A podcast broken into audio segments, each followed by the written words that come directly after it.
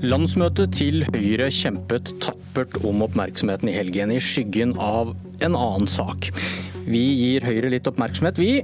Et opprør som kunne kostet dyrt, ble slått ned. Fiendebilder ble pusset blanke og fine. Men den brysomme saken som kastet skygger, må også få sine minutter av ukens første Politisk kvarter. Og vi tar det i akkurat den rekkefølgen. Først om et opprør som kunne koste dyrt. Høyre vil følge opp løftet til Nato om å bruke 2% av BNP på forsvar innen 2024. Og her ville opprørerne på landsmøtet gjerne satt et punktum. Men det fulgte med et vesentlig forbehold i det som ble vedtatt. Det må finnes rom til å prioritere alle de ekstra milliardene som trengs på statsbudsjett fra år til år. Og det må tas hensyn til størrelsen på BNP. For vokser norsk økonomi, blir det vanskeligere å nå et slikt prosentmål.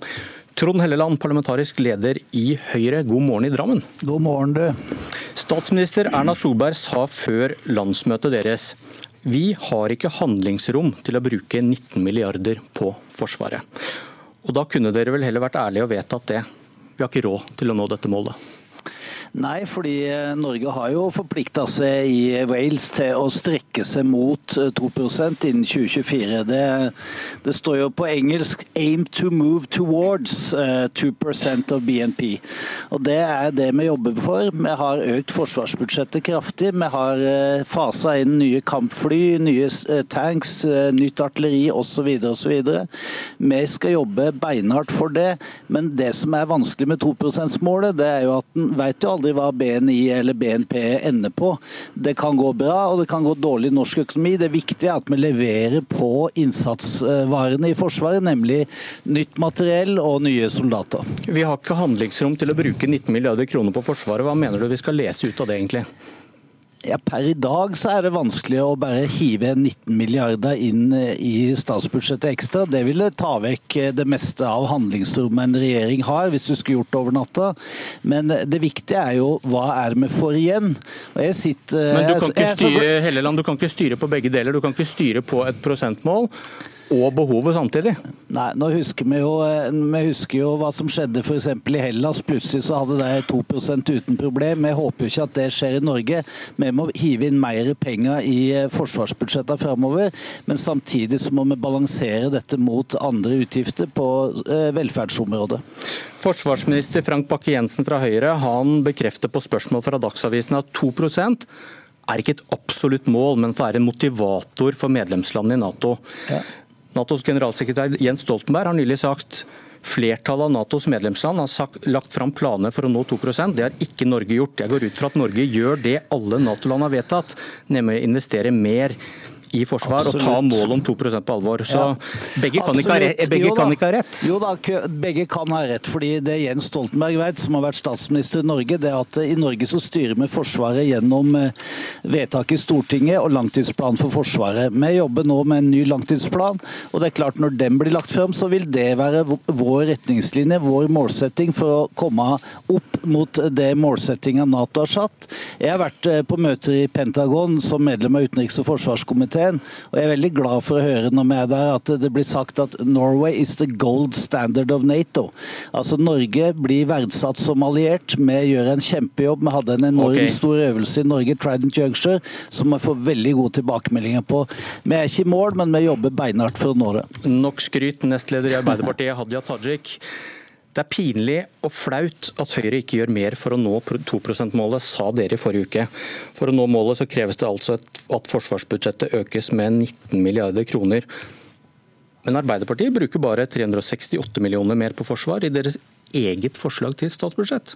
Dere prioriterer ikke dette, dere heller? Det er ikke snakk om å nå 2 %-målet over natta eller fra ett år til et annet. Nei, men med, med, med, 368 millioner i fem år, du er milevidt fra å nå 2 %-målet? Det er uansett snakk om en gradvis opptrapping, og det vi viser i våre alternative statsbudsjetter, er at det går an å prioritere forsvar mer enn det høyreregjeringa har valgt å gjøre. Vi har f.eks. Eh, nesten en halv milliard kroner mer til både den norske hæren og til Heimevernet bare for 2019-budsjettet. Mens det vi har sett at har skjedd med mens høyreregjeringa har styrt, er at vi i dag er lenger unna å nå 2 %-målet enn det vi var i fjor. Men du, Så... Litt enkel matte, Tajik. Med, det er 2024 vi snakker om fem år. Hvis du tar 368 millioner og legger på det hvert år, hvordan kommer du da mot 19 milliarder? Altså igjen, Det er ikke snakk om å nå 2 %-målet over natta. Nei, det man... det er, snakk om 2024. Eh, og Kommer du dit med det dere har lagt på bordet? Hvis man skal klare å nå 2 %-målet gradvis med en opptrapping, så er man nødt til å foreta den type opptrapping. Det vi ser at høyreregjeringa har valgt å gjøre, er at de har gått tilbake. Så med andre, andre ord så er andelen av eh, BNP som de setter av for forsvar, har blitt redusert ifra i fjor til i år. Men du forholder deg ikke til spørsmålet. Dere er heller ikke på vei mot noe 2 %-mål? Vi er mye nærmere 2 %-målet enn, det, enn det høyreregjeringa er for realiteten. Forskjellen i prosent av BNP er 1,62 med regjeringens eh, opplegg, 1,63 med Arbeiderpartiet. Altså, vi, lar den, vi, lar den, ligge, jeg fikk ikke noe svar. Med opplegg så er man på 1,59 for de har gått tilbake i okay. 2019. BNP utvikler seg, går det veldig bra i norsk økonomi og vi gjør store investeringer i Forsvaret, så har vi et problem med prosentandelen, men vi har ikke et problem med at vi setter inn større ressurser på Forsvaret. Nye kampfly, nye, nytt artilleri, tanks osv.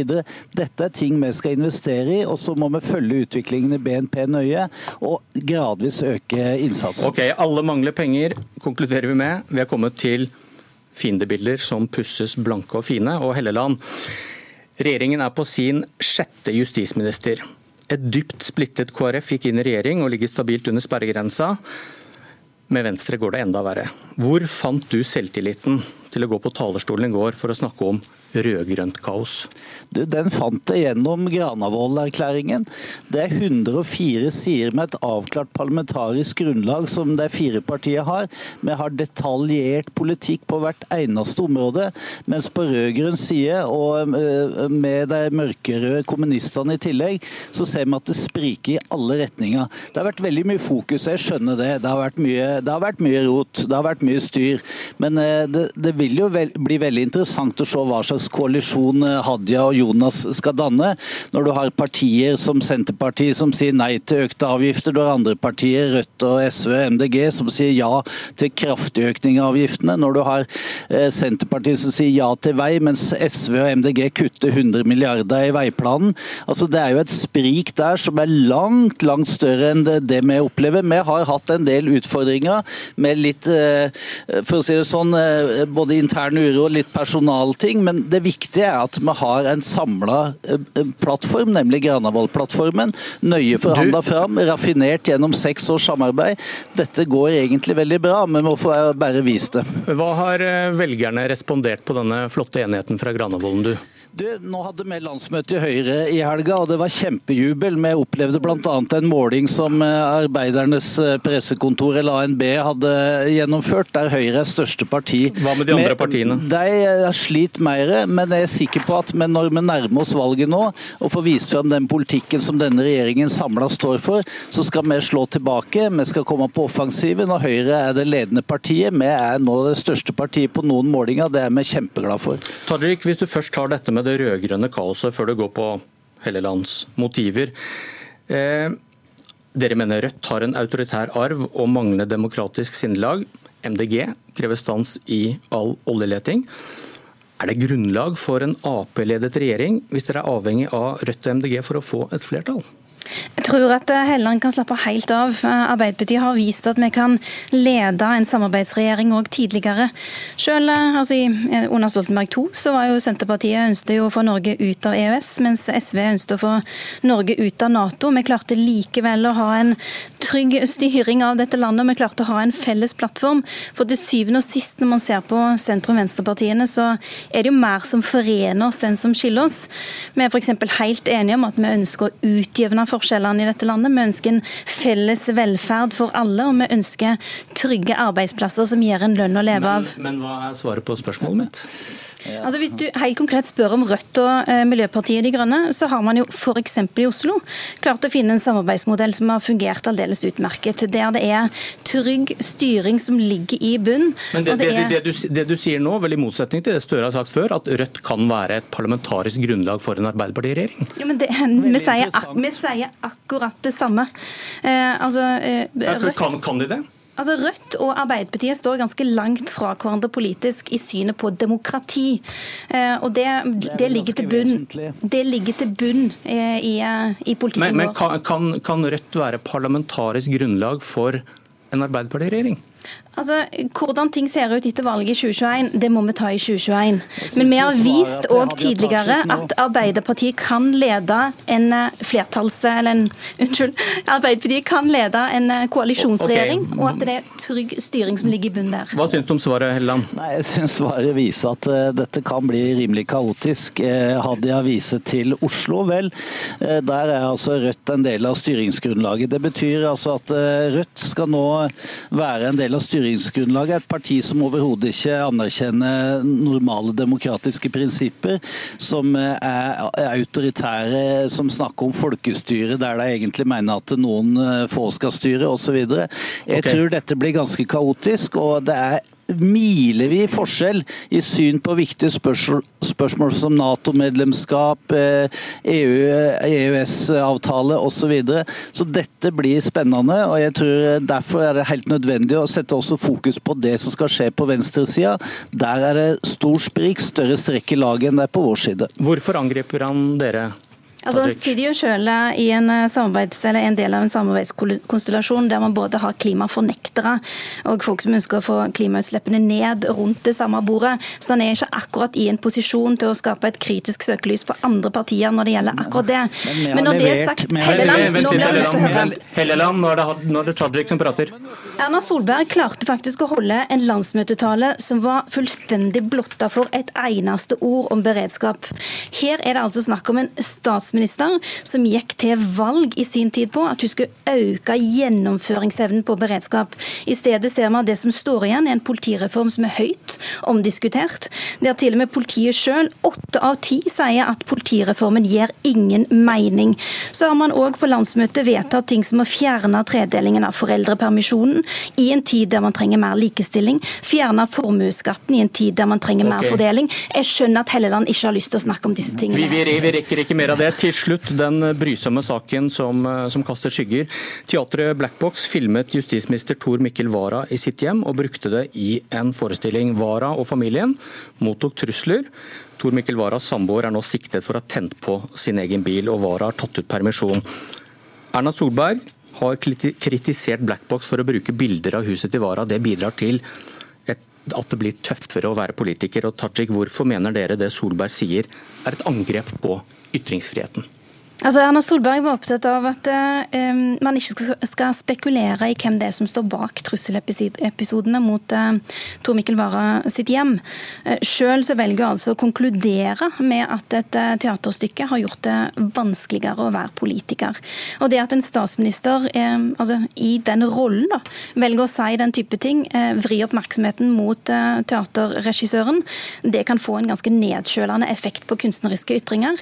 Det kan gjøre det vanskeligere å være kunstner kunstner i Norge. Hadde det vært akseptabelt for deg hvis noen filmer ditt hjem i smug for å lage kritisk teater, Tajik?